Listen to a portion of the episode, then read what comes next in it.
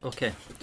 Kjære lyttere, medborgere, medmennesker og bokvenner. Velkommen til denne episoden av Bladpodden. I dag skal det handle om redaktører, redaktørrollen og titt, litt om tidsskrifter. Velkommen til deg, Ola Innseth, medredaktør av Vinduet. Takk for det. Postdok på BI. Forfatter og hundevenn. Velkommen til deg, Ulla Svalheim. Redaktør, Ja. Takk. forfatter, kritiker og hundehater. Ja. Hvorfor vil du kalle deg redaktør og ikke medredaktør? Kan du bare si det for? ja, nei, fordi, fordi vi er to likeverdige redaktører. Eh, Så jeg føler hvis jeg sier medredaktør, da føler jeg meg som sånn nummer to. Ja. Men, eh, men hvis begge er medredaktører, så er det jo på en måte greit. Men det høres i seg sjøl ut, tenker jeg da, som, eh, som nummer to. Ok. Ja, det var ikke det jeg mente å si. Jeg er ikke nummer to. Altså. Nei? Jeg ville bare si at jeg er ikke u er nummer én helt aleine heller. Ja, for det er litt vanskelig. For det er sånn, jeg må alltid nevne Hvis jeg sier at jeg er redaktør i blad, så må jeg si alltid sånn Jeg er én av to redaktører Ja. i blad. For jeg vil jo ikke late som jeg er den eneste Ja, for heller. redaktør høres ut som bestemt sånn. Du er den Ja, redaktøren. ja. Kanskje. Altså kanskje Men eh, Eirin, vi, må, ja, vi kan komme tilbake til dette med medredaktør etterpå. Eh, men vi må også selvfølgelig velkommen til Eirin som vanlig. Eh, Andresen Betten, journalist, essayist, kritiker, forfatter. Du er også forfatter, Ulla, forresten. Det glemte jeg å si. Jeg tror du sa Og du er nøytral til hunder, men du elsker katter. Ja. Så mye fina- finere med katt. Så hyggelig hyggeligere. jeg heter Jonas Meyer. Jeg er helt enig med deg. Jeg liker katter også bedre. Mm. ja, det gjør jeg jo, da. Stakkars deg, Ola. Med. Men eh, la, oss, la oss starte med hva vi leser for tiden. Eh, bokvennen. Det er en bokvenn, medborger, medmenneske og lytter. Du kan spole til slutten av episoden for å høre hva folk leser for tiden. Mm. Vel, vel. Vi er her for å snakke om redaktørrollen. Og mm, hvordan er det å være redaktør? Og det er jo spennende for oss, Eirin. Vi er, eh, vi er ikke redaktører. Jeg kan sikkert gjette dere litt til hvordan det er. Nei. Du, vet du, vi er jo, eh, motsetning til Ulla og Ola her, så er jo vi lærere. Så vi har litt Det er litt sånn samme Må ikke sånn- glemme, det er litt sånn samme arbeidsmengde ja, som skyller inn, eh, skyller inn over deg og sitte og rette prøver og si 'Hva mener du her? Kan du forklare det her?' Her skal det være et komma, og så videre Forholder deg til en sånn håndfull gjeng da, Ja. som du skal Gjør det. Mm, Passe på. Det har jeg ikke tenkt på. Det er noe likt der, ja. Ja. Men hvordan er det for dere som redaktører for Vinduet? Gamle, tradisjonsrike, ærverdige tidsskriftet. Blad. eh, Up and coming eh, utfordrer. Hvordan er det for dere å være redaktører, sitte på toppen og ha makt? Eh, ja, altså makt og makt. Eh, men jeg tror, for hvis jeg skal prøve å ta det litt på alvor, at jeg har makt, så tror jeg at det for meg, og sikkert for veldig mange andre mennesker i verden, som sitter ganske langt inne og skulle se på meg sjøl som en person med makt. mm. Det er Eh, det virker ganske fremmed, men det tror jeg kanskje også er litt av et problem. At det er mange som jo faktisk har makt. Men så er det litt ubehagelig å ta inn over seg, kanskje, at man har makt. Så derfor så later man som man ikke har det. Og så blir det veldig mange mennesker som har makt, men ikke på en måte erkjenner at de har det. mm. Eh, sånn at jeg har prøvd å tenke litt på det, og prøvd å, prøvd å erkjenne at jo da, har kanskje en eller annen slags makt. Og det er jo da først og fremst utrolig stressende. Eh, og angstfremkallende. Mm. Og det viser seg at man har makt. Mm. Man skal ikke overdrive hvor mye makt man har da heller som redaktør for Vinduet, men eh, den mest konkrete makta man har, er jo kanskje over eh, de som skriver, som foreslår saker, og som til en viss grad har i hvert fall en del av inntekta si av Mm. å eh, få frilanshonorarer fra f.eks. Vinduet. Da har man jo en viss makt over dem. Så det er jo da bare noe man må ta på aller største alvor, og ikke, ikke liksom tulle bort. Ja. Mens Mens når det gjelder andre typer makt, kan det være sånn man får, har en slags makt over Definisjonsmakt over liksom eh, offentligheten eller litteraturen eller noe sånt noe. Ja. Det, det tror jeg nesten eh, jeg tar litt lettere på. At jeg føler at det har, har kanskje ikke i så stor grad. Og hvorvidt liksom et forfatterskap får få gode anmeldelser osv. Det er jo ikke jeg som skriver de fleste anmeldelsene engang, så det kommer mer an på egentlig kritikerne. Og så kan du si det kanskje er noe makt i hvem man ber om å anmelde noe osv. Men det blir ganske mange ledd i det. Kan det være, altså kan du, hvis, hvis du får en bok fra en forfatter som du har et horn i siden til, da, så, Ja, ja. så velger du den anmelderen som du tror kan eh, gi han en liten overhaling. Er det litt sånn? Nei, det tenker jeg ville vært helt feil. Ja. Ja, Nå har ikke jeg horn i siden til så mange forfattere, heldigvis. Men eh, hvis det liksom eh, teoretisk kommer opp noen som man har, har et eh, litt anstrengt forhold til, så kanskje bare Da er vi to redaktører også.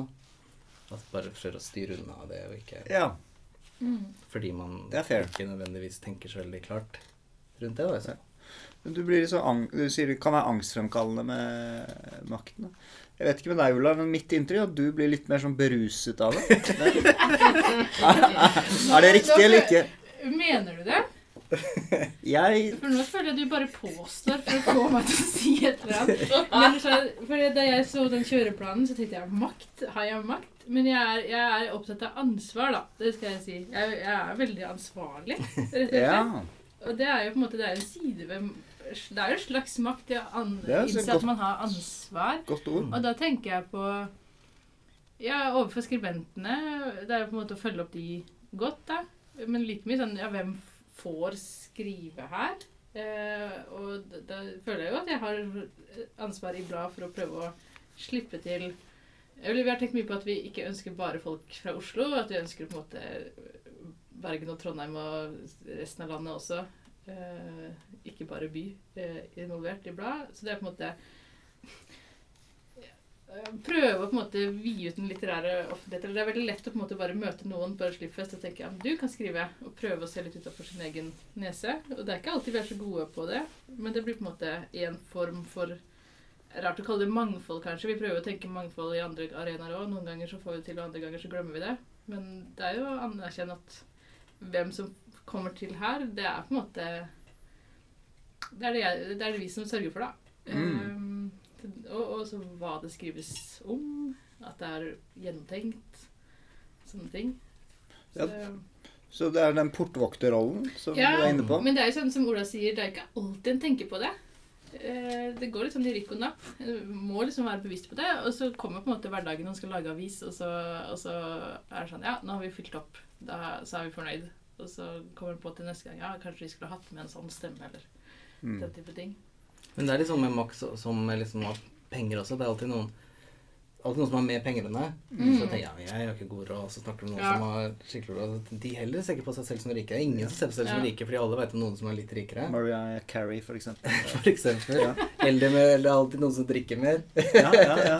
Og litt så det er alltid noen som har mer makt også, Ja. og det kan gjøre det til en liksom Det er mer behagelig å tenke ja, men Det er ikke vi som står for makta, på en måte. Eller, vi, jeg føler jo heller ikke at det er vi som på en måte At det er hos, hos oss hovedinngangen til Litteratur-Norge er. Og sånn i det daglige så føler vi også mye på avmakt, på en måte. Eller sånn, det er mye som kunne vært gjort. Eh, som kunne vært gjort grundigere. Og kanskje da særlig på en måte på eh, strukturene rundt avisene. Eh, alt sånn derre som har med rapporter, søknader Eller det gjør vi ganske grundig, men eh, masse sånn derre logistikk og hva, hva heter det? Avisutlevering Altså mye sånn derre Hva heter det? Formelle Nei. Hmm? Hva er det beste ordet for det? Logistikk? Infrastruktur? jeg er på nett, så det trenger ikke Dere er på nett. Ja, Slipper alt det. Logistikk. ja, alt det derre det, er sånn, det er en hel haug av ting Mm. uh, som, som man kanskje ikke tenker på at i hvert fall vi i bladet gjør. Men Mm. i bladet så er det er Even og meg. Og- vi gjør jo alt, Mm. på en måte. Det er ikke dere som sender ut avisen? Nei da. Vi har, nå har vi fått eh, noen som gjør det. Ja. Vi poster ikke. Står ikke og poster. Mm. Ok, så makt eh, Ja, det, det, er en, det er litt sånn ambivalent forhold til det. Hvor mye makt er det man egentlig har, kan man jo spørre seg om. Men hva er det som er best med å være redaktør, hvis dere skal fokusere på det som faktisk liker med det? Det, det er jo alt det man kan gjøre. Mm. At man hadde makta man har til å sette i gang prosjekter, eh, finne flinke folk til å skrive om fantastiske ting.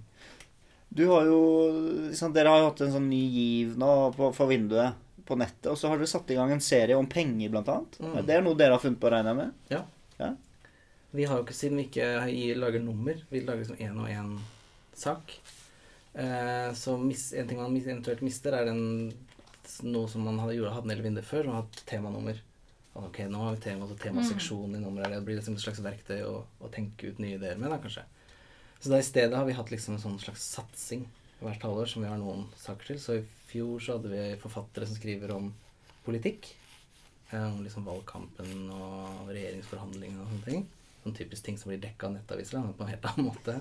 Eh, og så nå har vi den serien som handler om litteraturens materielle strukturer. som egentlig skulle handle Egentlig skal den liksom handle om alt som har med litteraturen å gjøre, som er liksom det utenom-estetiske. Så kan man si alt som, men som likevel påvirker hvordan selvlitteraturen blir til. Og det kan være veldig mye, men så er det så satt i gang et par prosjekter, og så er det faktisk folk som har kontakta oss og blitt inspirert av det. på en måte. Da. Som det har gjort at det har endt opp med å handle ganske mye om klasse. Ja. Mm. For det er folk opptatt av. Mm. Og det er bare én materiell struktur, på en måte, men kanskje den viktigste.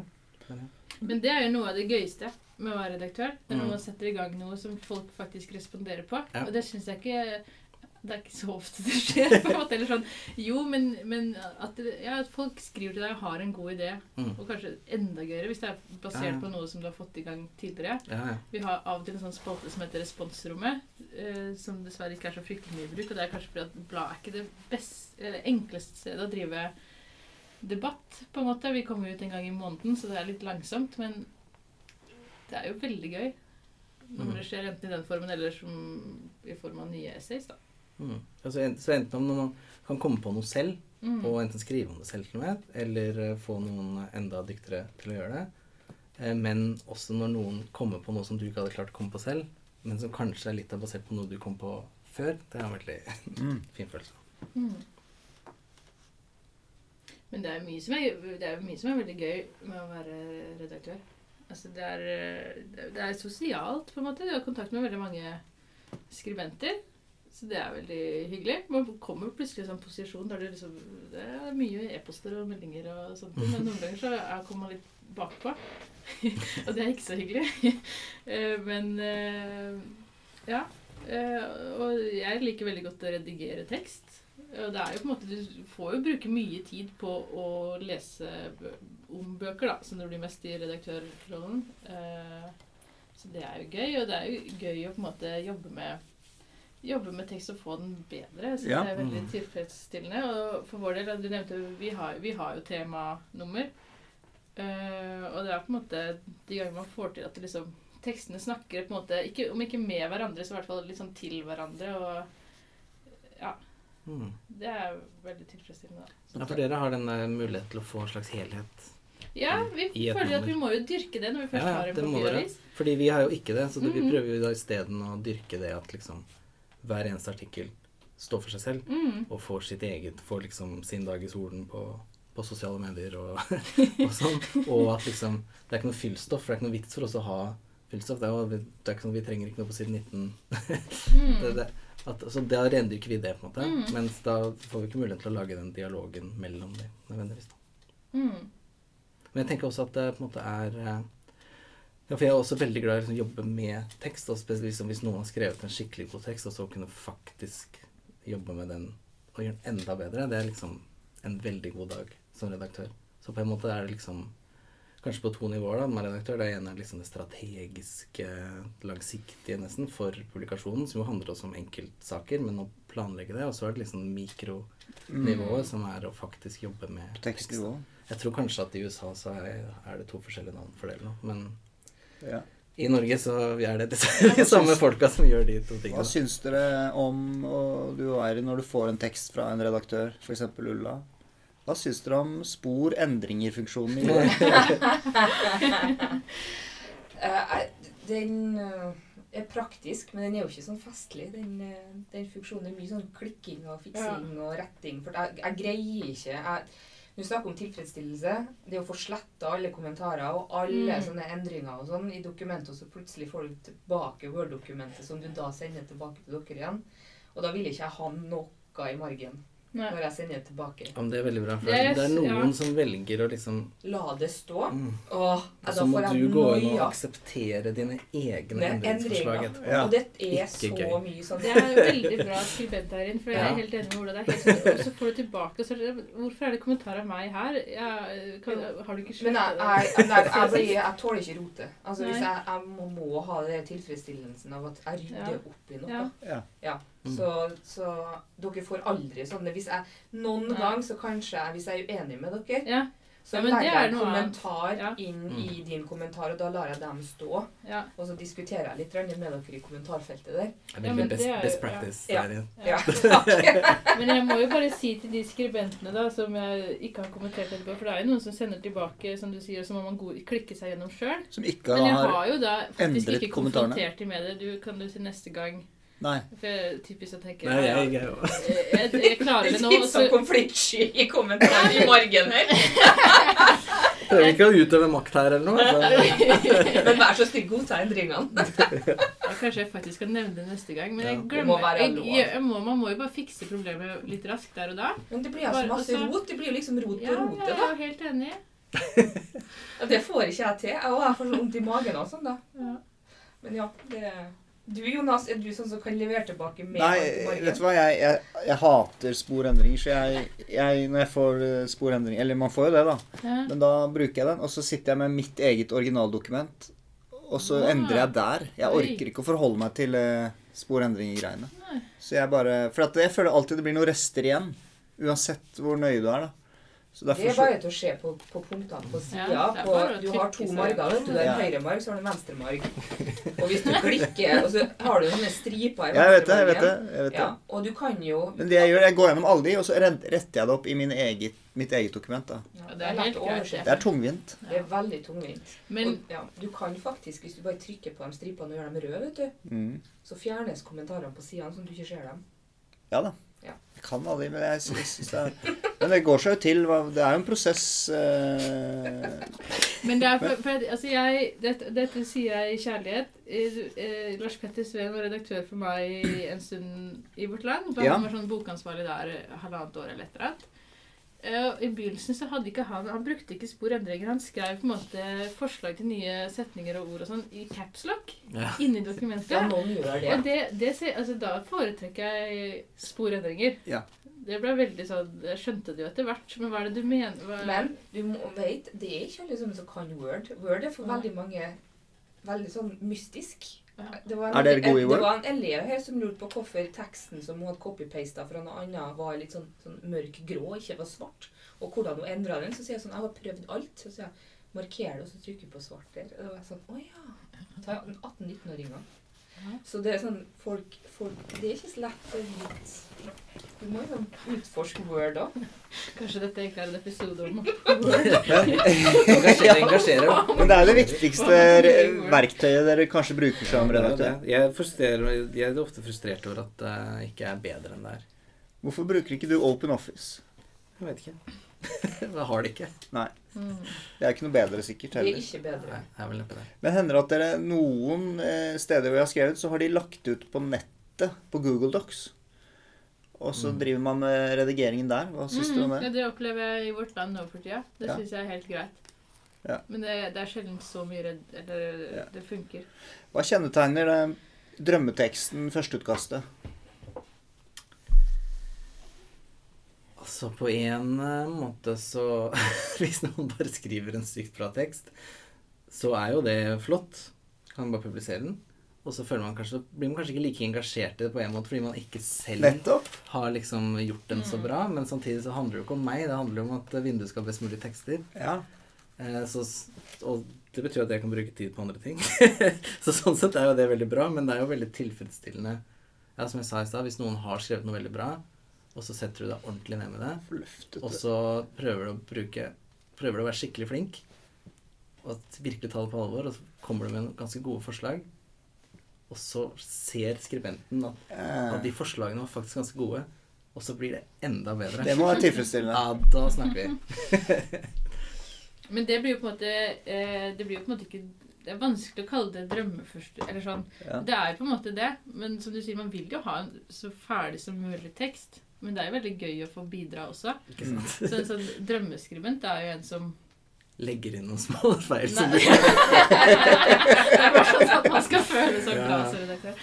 Nei, men som, tar, som det er mulig å samarbeide med, da. For at, eh, det er jo mange som Eller det er jo de som skriver godt, som eh, ikke er så åpne for forslag også.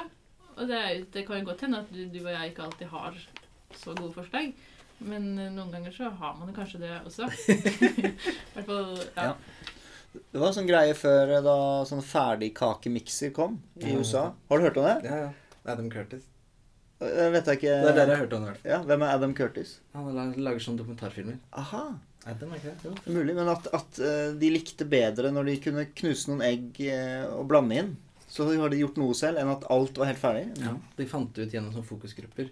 Hvor de hadde sånn freud, freudiansk utdanna psykologer som lurte på hvordan kan vi få folk til å kjøpe ferdigkakemiks. Ja. For ingen som ville kjøpe det. Og så hadde de sånne fokusgrupper, og da skjønte jeg at ah, kvinnene i etterkrigs-USA føler en slags skyldfølelse ved å lage ferdigkakemiks. Da må vi introdusere noe symbolsk som gjør at de ikke lenger føler skyldfølelse. Og det er tilsett et egg. Som egentlig er helt Er det derfor man må tilsette egg i Toro brownies? Det er rett og slett Kan for- være det henger igjen fra det. Mm. Men det er, det er noe av det samme dere beskrev her. eh, Ja, jeg prøver å ikke la det komme i veien. Da. Og jeg har Men det er jo sånn noe med det derre drømmeskribent der, er sånn, Man opererer jo ikke sånn. En vil jo ha på en måte Man vil jo ha Noen krever Altså noen skribenter sånn, trenger å få respons i, litt, sånn, i en rotete tekst, da. Ja. Eh, Mens andre trenger å få skrive den så ferdig som mulig før de leverer. Og som redaktør så må man jo på en måte møte skribenten litt. I hvert fall når, Ja. har, når du har en fast gjeng, da, som vi har i bladet nå, så er det noen som sender inn, og så er det masse rot der, og det er forslag i margen, og kanskje skal jeg gjøre mer sånn, og kanskje skal jeg gjøre mer sånn. Og som trenger på en måte hjelp i den på Ja. det stadiet. Mens andre leverer noe som s- helt sånn ferdigskrevet. Og da er det jo vanskeligere å gå inn og på en måte bidra Mm. med ting, men, det er sånn den liker å jobbe. Ja, for det er jo liksom Ja, det handler jo ikke om oss. Måte, vi må tilpasse oss til eh, den som skriver. Mm. Og på hvilken måte man kan hjelpe dem mest mulig. Barrierer. Så det er ikke liksom nå må du skrive på den måten til meg, for jeg er redaktør som redigerer Jeg har den stilen. det er jo Jo, men noen redaktører kan jo overredigere. Mm. Litt rann, Du har levert en tekst med en problemstilling, eh, og det er det her du har lyst til å skrive om, men så er det redaktøren som er sånn Neimen, det er ikke det jeg vil ha. Så vi må reformatere hele teksten ut ifra en problemstilling jeg mener er riktig. Ta, ta gjelder ikke deg, Ulla. Men, men, eh, Det gjelder Even. Nei, ja, men jeg har jo jeg har opplevd det, og det syns jeg, det, da- det synes jeg faktisk kan være veldig Ja. utfordrende. Så da er sånn, da har jeg av og til tenkt at her er det nesten ikke verdt det. Ja.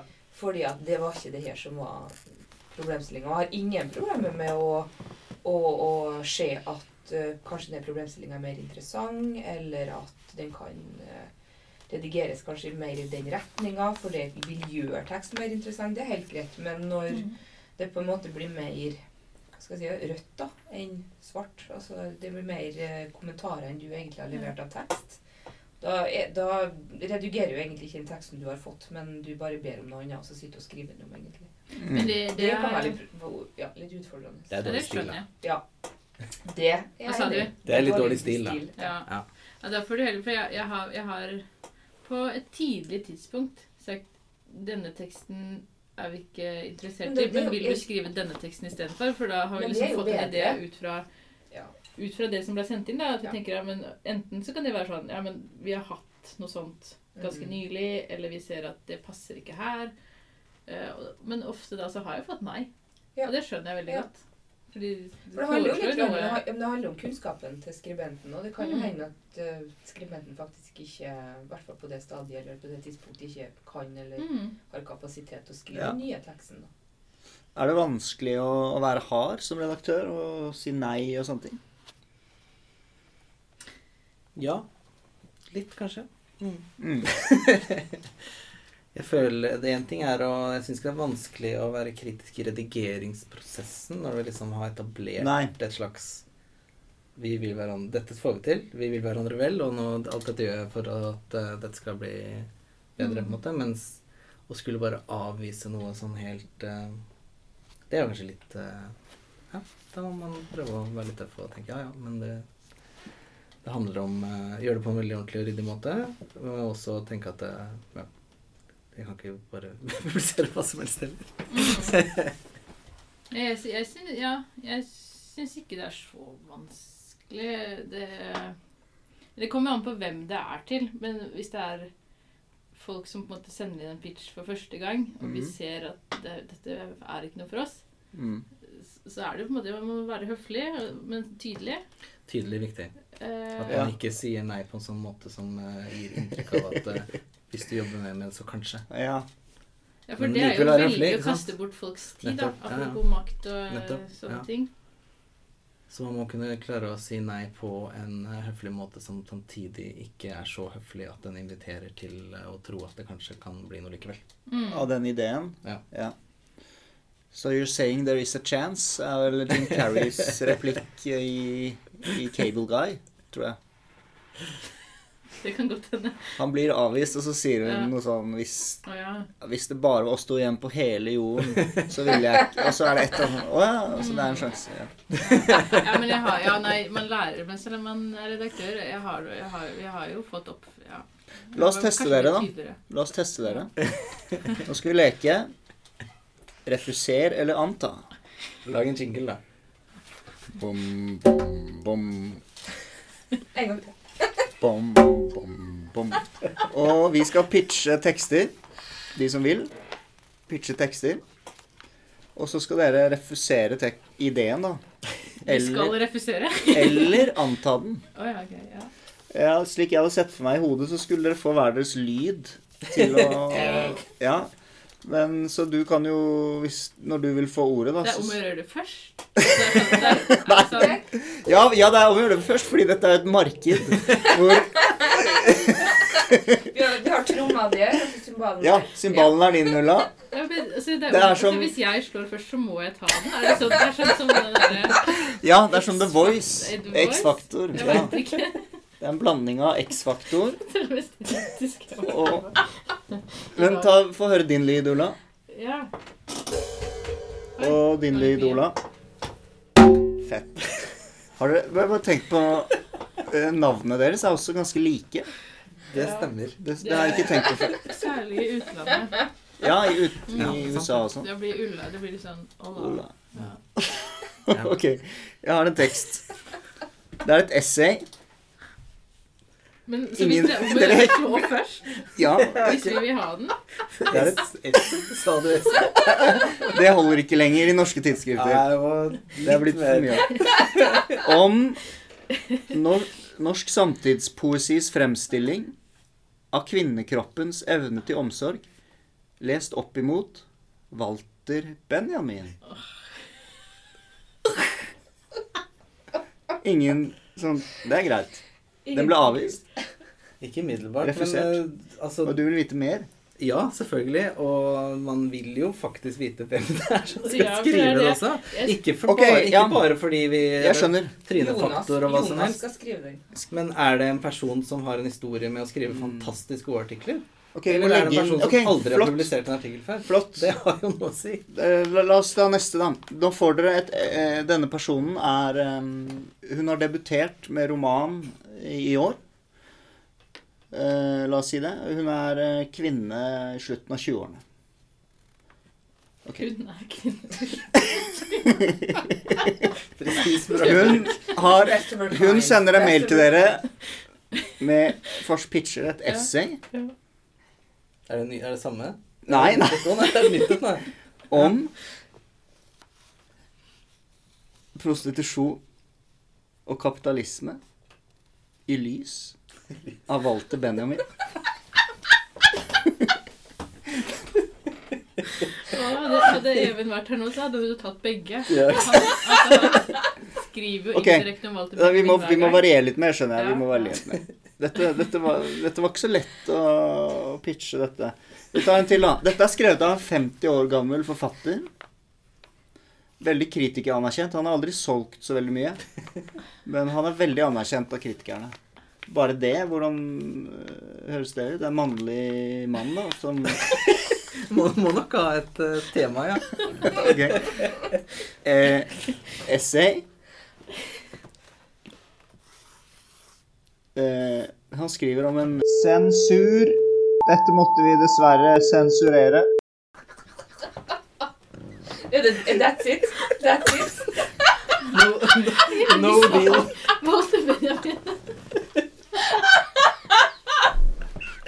Jeg prøver å finne de triggerordene deres. I lys av kritikken av nyliberalismen. Ola er ikke med. Det holder ikke. No deal. Jeg tror egentlig hele i lys av oppsettet ødelegger det for meg. altså. Ja, det tror jeg du har rett i. For det bra, Ulla? Ok, nei, men Jeg, jeg syns dere er flinke til å til å avvise tekster. Dere, men, ja, men det jeg merker her, er at dere dere har faktisk Dere har en genuin forpliktelse på kvalitet, virker det som. Jeg sier, det høres jo ironisk ut, men jeg mener det. Jeg syns jeg merker det her. Ja. At dere faktisk tar det på følger alvor. med. Det er viktig med kvalitet, da. Ok, fair enough. Um, la oss gå videre, da. Eh, jeg har flere ganger gitt dere ros, uh, Ulla, for Oi. deres uh, ledere. Ja. Og, så vi vil snakke litt om den sjangeren. Og dere har ikke ledere, Ola. Dere har uh, Nei, har- eh, nyhetsbrev. Ja, det har vi jo. Det er sant. Vet ikke om det, det er ikke, Dere har mange nyhetsbrev. Vi sender ut ett nyhetsbrev i uka. Det har vi angra på flere ganger. At vi, at vi begynte med det. Da må vi bare fortsette. Men eh, det er en sjanger som er i utvikling, vil jeg si. Som har vært som er kjempegøy å holde på med, egentlig. Ja. Det eneste som er, det er kjempemange som leser det også, faktisk. Det eneste som er litt dumt, er at de i ganske liten grad klikker seg videre til vinduet. Så Ja. det, grunnen til at vi begynte med det, var litt at det skal fungere som en litt sånn Generere klikk. inngangsport. Ikke generere klikk, men få leserne inn Vi selger ikke annonser, så vi trenger ikke å generere klikk. Men vi vil gjerne at noen skal lese uh, artiklene. Uh, og det tror jeg kanskje har blitt litt sånn at folk leser nyhetsbrev og så tenker de, ja, det er litt vindu. Det var fint. sånn at det jeg må lære meg blant annet Jeg tenker ofte når jeg skriver sånne Ofte så er det litt sånn sidespor til en artikkel vi har publisert en uke, eller litt sånn bonusmateriale. Og da tror jeg jeg ofte tenker at jeg liksom oppsummerer det litt kort. Jeg må slutte med den oppsummeringa, så må jeg heller liksom lære meg å skrive på en mer sånn eh, og vil liksom. Ja, nettopp. Det er det man lærer meg. Prikk, Ja. prikk, prikk, prikk. Du vil ikke tro hva den, hva den artikkelen vi la ut om Torborg Nedreås uh, sier om henne. Ja.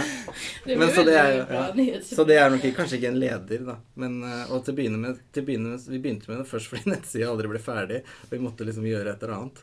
Så da var det jo veldig gjennomarbeida, de nyhetsbrevene. Ja. Og så har vi fortsatt med noen som er veldig som egne intervjuer. og Simen har sittet i hele dag og lett opp en fyr, lett opp dattera til en fotograf gjennom dødsannonsen hans og ringt og intervjua henne.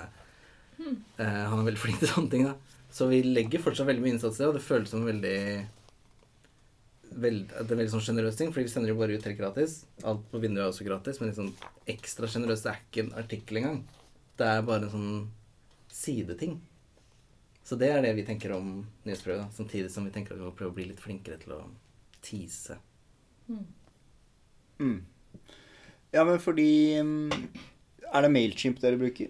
Nei, vi bruker et eller annet system de har Men da får du sånn statistikk, Ja, kanskje? vi får statistikken. Mange som åpner og Ja, ja, er klikker. veldig, og... veldig høy åpningsrate. Ah, Over er nice. 60 Oi. Høres ikke så mye ut, syns jeg, men de gylne syns det var veldig bra. hmm. Nei, men det, dette er jo uh, utfordringen med nettet, er det ikke det? Få folk videre inn i funnelen. Ja, ja, det er det. Det er det som er uh, vanskelig. Vi er i hvert fall glad for Vi bruker sosiale medier, og alle artiklene kommer på alle sosiale mediene. Og så er det noen ganger så bare bam, treffer det skikkelig, og du får kjempemange lesere. Og andre ganger så bare får skikkelig få lesere. Men det viser seg også at halv, så mye som halvparten av leserne kommer ikke fra sosiale medier. Mm.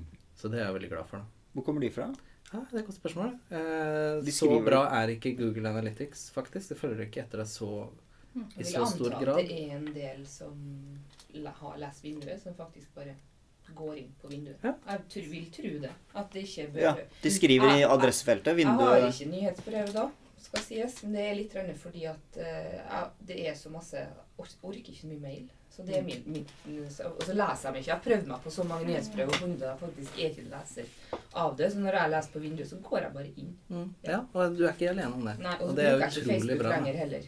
Så jeg går ikke inn via det. heller. Jeg håper jo flere kommer til å slutte å bruke Facebook og bare gå tilbake til å ha bokmerke i nettleseren sin. liksom. Ja. Men det er viser at noen har det, da. Og så er det noen som Ja, Gud, kommer dit så de søker liksom på et eller annet.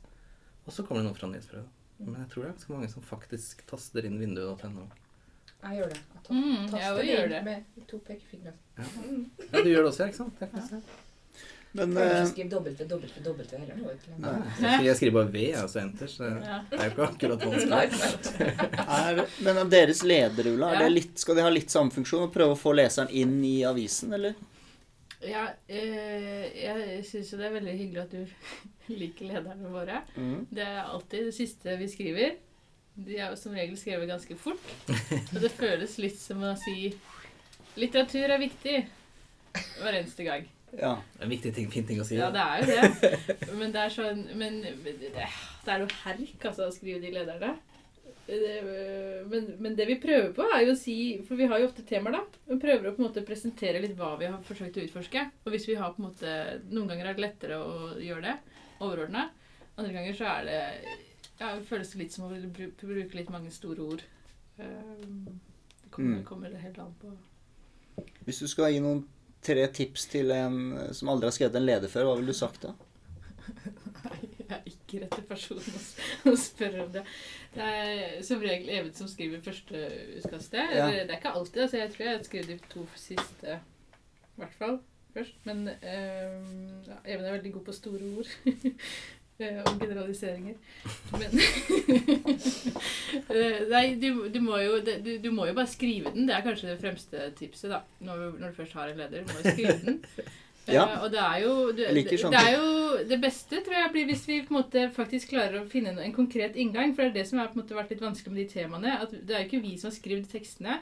Og vi har jo ønska ofte å utforske et emne, uh, men ikke nødvendigvis si noe fullstendig bestemt.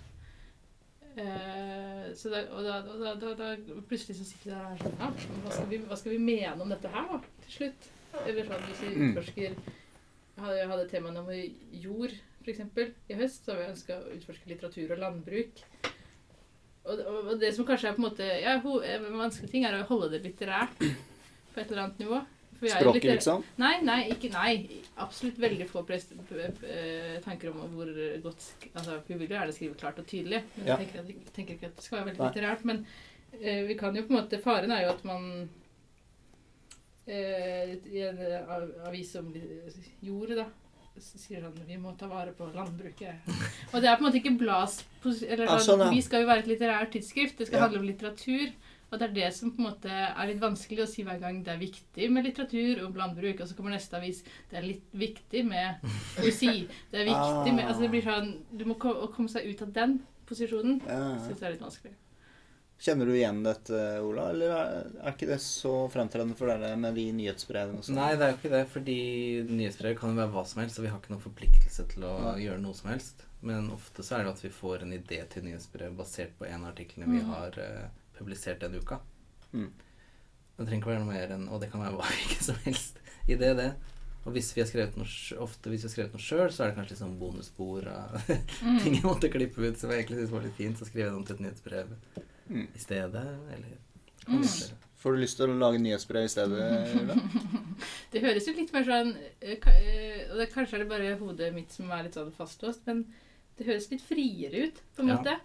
Eh, men det er jo Jeg tror det blir best de gangene vi klarer å på en måte bare ta tak i Ikke alt, men en liten ting. Men allikevel klare å si noe om hva vi har tenkt Det med høres avisa. ut som noe vi, Det høres Ja. riktig ut. Det slo meg som veldig riktig. Vist. Altså det å ta tak i noe lite. Ja. Ja. ja. Og bygge derfra. Bygge derfra. Mm, det var jo det Simen gjorde med den mest eh, Vår lengste nyhetsbrevføljetong. Var at han prøvde å finne ut Han hadde digitalisert et gammelt intervju med Simone de Beauvoir. Og så var det ingen som Så visste han ikke hvem den personen som hadde skrevet intervjuet var, i 1969, tror jeg det Eh, og så er jo han journalist, da, så han, kan, han driver ringer til folk og finner ut ting og sånn. Og så fant til slutt ut hvem denne Først så fant han ikke ut hvem denne Solveig Sæther var, men han hadde liksom intervjuer og ringte til alle mulige som kunne vite det. Ingen som visste det. Og så etter hvert så hadde folk lest nyhetsbrevet og liksom ringt inn tips og sånn. Det viste at han hadde vært lærer på Lillestrøm videregående skole. Og så ble det mer det. Og, og så var det jo til og med en dame som hadde vært sekretær på den skolen som ble kalt inn til liksom hennes dødsleie.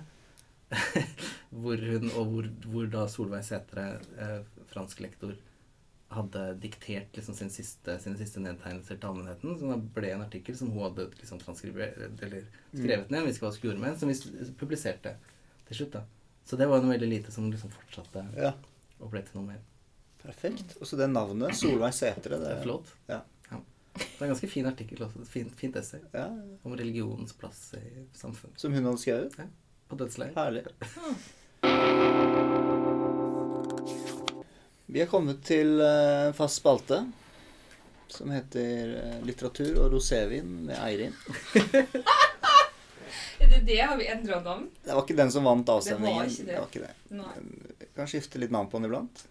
Men du har et spørsmål. Konsekvent. Jo, um, vel, det er jo Da har jeg tatt et lite spørsmål fra en av de viktigste sakene i, i Norge siste uka. Altså her er det, Da snakker vi helt i krig, og det har vært FN-rapporten, klimarapporten, og det er havremangel og bensinpriser som går opp osv. osv. Men det viktigste spørsmålet det har jo vært om verdens verste menneske er en god eller en dårlig film.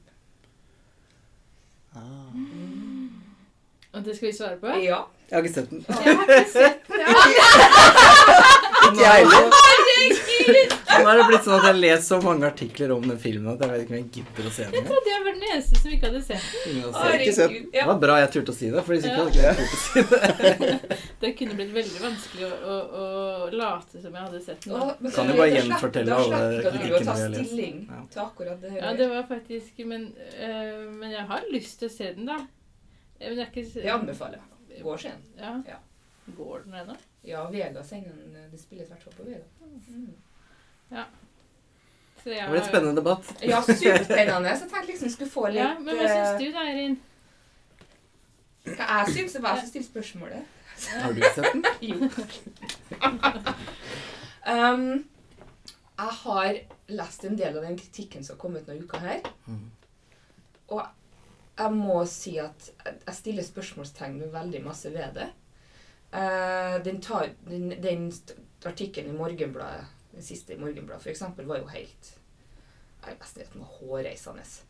Uh, men den har jo noen uh, Filmen har jo noen ting ved seg som jeg tenker kunne kanskje vært utforska på en litt annen måte.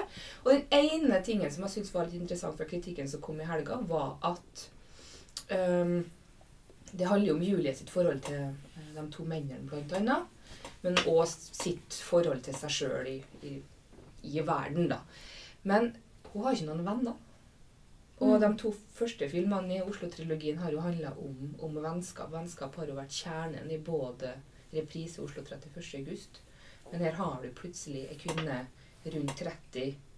Eh, åpenbart veldig oppegående, smart person. Eh, men det er liksom det er ikke noe venner. Og det er veldig og, Det er akkurat den der slo meg. Det, det er litt sånn, ok, Den kritikken kan de kanskje få. Men sånn helt overordna er litt filmen. da. Mhm. Men eh, la, oss, la oss starte med hva vi leser for tiden. Eh, Bokvennen. Så vil du starte, Ola? Hva leser du for tiden? Du, nå har jeg nettopp lest uh, ferdig en kjempe, kjempefin bok som heter Free. Skrevet av uh, albansk professor i politisk teori som heter Lea Ypi. Eh, og det er slags eh, Det er en barne- oppvekstmemoar som handler om det å vokse opp eh, under kommunismen i Albania, og alt som er litt sånn rart og litt absurd og grusomt for så vidt med det. Og så hvordan man plutselig forandra seg da kommunisten falt. Og hun hadde liksom vært den flinkeste kommunisten i klassen og vært veldig aktiv del av den liksom indoktrineringa som foregikk. Og så plutselig viste det seg at hele familien hennes aldri trodd på det. Ingen som egentlig har trodd på alvor og latt som. Så forandret liksom alt seg veldig, da. Eh, det er veldig interessant. Og så blir det ikke så mye bedre nødvendigvis heller, da, av alle mulige liberaliseringer og sånt. Og så er det jo åpenbart en person som forstår veldig mye av politisk tenkning og sånn, som har skrevet det her. Sånn at eh, Det som var en kjempefin bok. Og så tenkte jeg litt at jeg kunne skrive om den, men så kom jeg på en annen ting. Jeg kom på en annen, annen som også kunne skrive om den. Så nå mens vi først snakker om noen redaktørting, så er det litt interessant at nå driver jeg og redigerer en anmeldelse av en bok som jeg selv har lest. Ah, Ja, er for det er ikke så ofte. Nei, det er Nei. luksuriøst, da, på en Ja. måte. oi. At da veit ofte så er det liksom sånn Å, kan du forklare det litt bedre, eller Hva ligger du egentlig i dette? Mens nå er det bare Nei, det var ikke det som sto Nå veit jeg hva jeg snakker om for en gangs skyld. Så den boka har jeg lest. Åh, det er, det, jeg har sånn ti spørsmål til den boken, eh, men vi er jo nå ikke på det viktigste delen av um, podkasten. Men jeg må ta et par av de, fordi for det første eh, Du skriver en del om nyliberalisme og sånn. Og nå skriver du Er du lei av Er det noen som spør deg sånn Ja, er kommunisme så mye bedre da? Ja. Er det mange som spør om det? ja. Ja. Hva, hva pleier du å svare da? Jeg pleier å si at det er kanskje litt på siden av poenget. Ja, Ja. Mm. Men jeg skjønner jo hvorfor man spør om det. Ja, jeg synes det er interessant. Um, ja. Men vi, vi la oss uh, gå videre. Hva leser du, Eirin? Jeg les, uh, har lest Maggie Nelsons uh, siste bok, om Freedom'. Uh, Det akkurat det samme. Heter ikke den boka Free? jo, Jo. jo. Ah. Det, ja, det er et ord. Nå må dere også Ja. velge bøker Ja, som Dere velge noe Er det ironisk Oi, oi, oi. i, i Maggie Nelson? da? Eller ikke ironisk, men er det tvetydig der? òg? Jeg forsto det som at friheten var litt tvetydig da, i Ja, altså Ja, den er jo det. Hun har delt inn boka i fire. Og det er fire temaer hun tar for seg. Så, og så, det er jo i samme kjøret, eller samme sporet som hun alltid har vært i. Det er mye sånn queer theory. Uh, begjær. Uh, og så har hun begynt liksom å bale med klimaforandringer oppi det her, da, i det siste kapittelet i boka. Så jeg, jeg leste litt av det i dag før jeg gikk på jobb. Det, det vil jeg si at det, det får hun ikke helt til. Uh, det, det er skrevet så mye om klima og miljø. Eh, både i populærkulturen, akademisk, journalistisk, de, altså de siste 20 årene.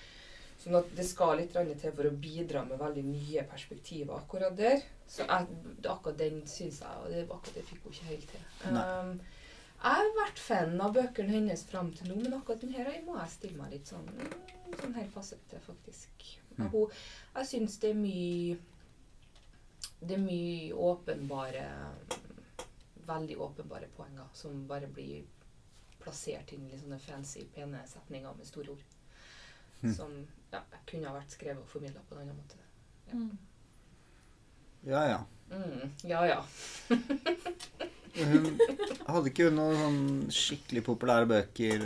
Argonautene, Argonautene og så Bluett. Blå? Eh, Blå, ja. Bluett. De to er jo fantastisk fine bøker. Så det er derfor jeg er litt sånn småskuffa, tror jeg. For hun ble plutselig veldig sånn De er jo eksperimentelle i formen. Um, prøver å se ting gjennom uh, Hun ser jo ting gjennom en, annen, en ny linse. Um, men her uh, ble det litt sånn Jeg sittet inne i to år i pandemien og måtte ha et eller annet å finne på.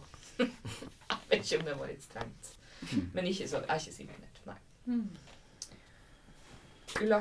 Ja, jeg begynte på, på toget til Oslo i dag. Um, en bok jeg burde ha lest før. Så det er litt pinlig å si at jeg leser den faktisk først nå. Men uh, Korset, oh, ja. del tre, eller bok tre i Kristin Lavransdatter med. Sigrid Undset. Ja.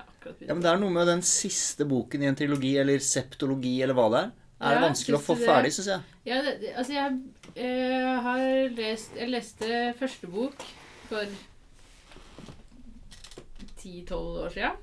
Og så begynte jeg på nytt da jeg var i mammaperm. Og så rakk jeg liksom ikke hele. Og så er det først nå jeg liksom har kommet til å faktisk eh, ja, lese det siste, da. Mm. Men gleder meg veldig. Uh, husker fra Nå har jeg jo bare lest ett kapittel av uh, denne boka, men jeg likte veldig godt i bok Den husfrue forrige. Så er det masse fødsler. Hun føder jo en hel haug barn. Det er sju, sju barn, og hun får tvillinger og ammer og det ja. Men det skjer masse annet òg, da. Det er ikke det som er hovedsaken. Men Uh, Det er jo mange barn. Syv barn er jo mange ja, fødsler. jeg, jeg tror det. Jeg, tror, jeg ble i tvil om det var åtte, men det er veldig mange, altså. Sikkert noen av dem som dør òg, tipper jeg.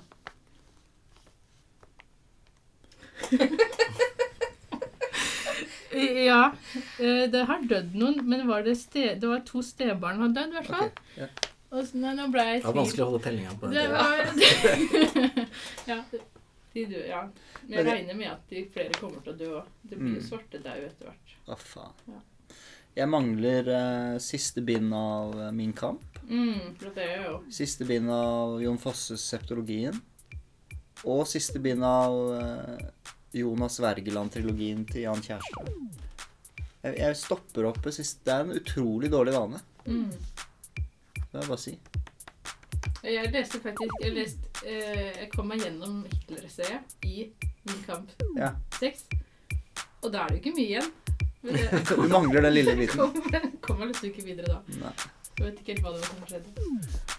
Ok, jeg leser eh, Jeg holder fortsatt Jeg leser jo flere ting, det gjør vi flere av oss. Men eh, det er den Prost-boka som jeg Herregud. Unnskyld. Den ligger på stuebordet. Nå er det lenge siden jeg har lest i den. Men det er den jeg holder på. Det er den jeg holder på med. Um, jeg holder dere også på med mange ting av gangen. ja. Det blir jo sånn anmeldelsesbøker og sånne ting, da. Det er et problem hvis ikke man skjærer igjennom iblant. Jeg syns også det er litt dumt når jeg liksom føler at jeg har litt for mange prosjekter Ja. gående.